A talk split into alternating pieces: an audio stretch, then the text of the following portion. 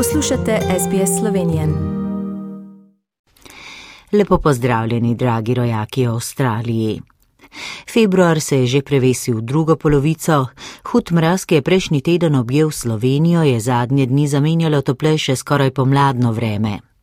Kot kaže, so pustne šeme vendarle dobro opravile svojo nalogo pri odganjanju zime, ki pa zagotovo še ni rekla zadnje besede. Sicer pa so tudi letošnja postovanja po Sloveniji potekala v luči epidemije in so se večinoma dogajala na spletu. Odpadel je tradicionalni karneval v Cerknici, crkljanski laufari so se tudi predstavili po spletu, odpadlo pa je tudi tradicionalno kurentovanje na Ptuju s povorko. Organizatori so sicer prikazali kurentovanje v virtualni obliki, na pustni torek pa so po Ptuju ponekod na ulice vendarle prišli tudi kurenti in zazvonili s tradicionalnimi zvonci.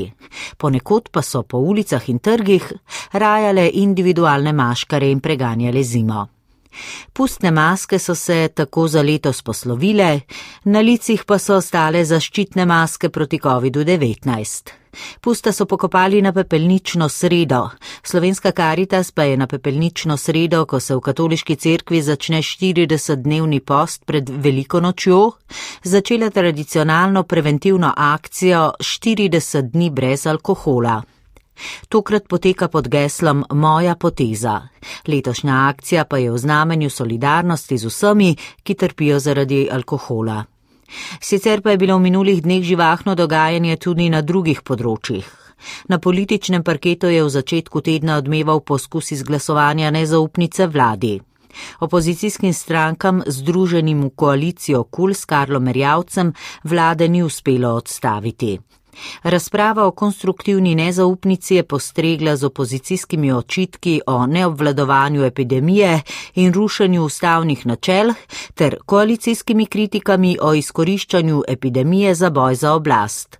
Kandidata za predsednika vlade Rjavce je na tajnem glasovanju podprlo le 40 poslancev, sedem jih je glasovalo proti.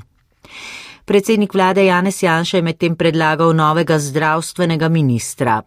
To je direktor Univerzitetnega kliničnega centra Ljubljana Janez Poklukar, ki je sredi tedna že uspešno prestal zaslišanje pred pristojnim parlamentarnim odborom.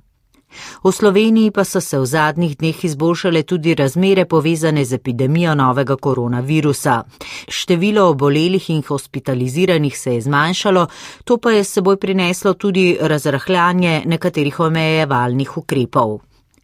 Ob prehodu Slovenije v oranžno fazo ukrepov za zajezitev novega koronavirusa je bila tako s ponedeljkom odpravljena omejitev prehajanja občinskih in regijskih meja za prebivalce, prav tako je odslej dovoljeno zbiranje do deset ljudi.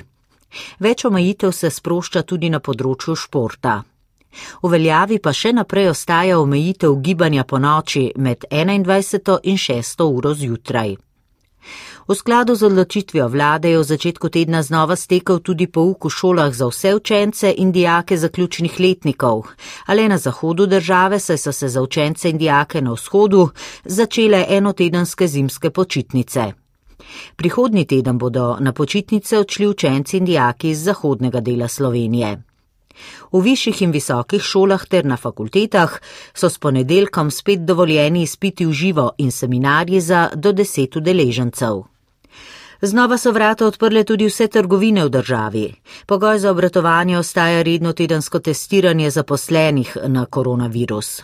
Obenem v nobeni storitveni dejavnosti pogoj za koriščenje storitev ni negativni test potrošnika. Razrahljana so tudi pravila glede predložitve testov na smočiščih, testiranje pa ne bo potrebno za osebe, ki imajo potrdilo o cepljenju proti COVID-19 ali potrdilo zdravnika, da so preboleli COVID-19 in od začetka simptomov ni minilo več kot šest mesecev. Z novimi vladnimi odloki pa niso zadovoljni taksisti. Več kot sto jih je z vožnjo in hupanjem v središču Ljubljane ta teden izražalo nestrinjanje z odlokom, ki jim nalaga obveznost testiranja na okužbo z novim koronavirusom na vsake tri dni. Sindikat taksistov in krovni sindikat delavcev prometa in zvez sta napovedala, da bodo protestne aktivnosti, če ta pogoj ne bo odpravljen, še stopnjevali. To pa bi bilo za danes tudi vse iz Ljubljane z lepimi pozdravi iz Slovenije, Lili Brunec. Želite slišati sorodne zgodbe? Prisluhnite jim preko Apple ali Google podcasta, preko aplikacije Spotify ali kjerkoli drugje.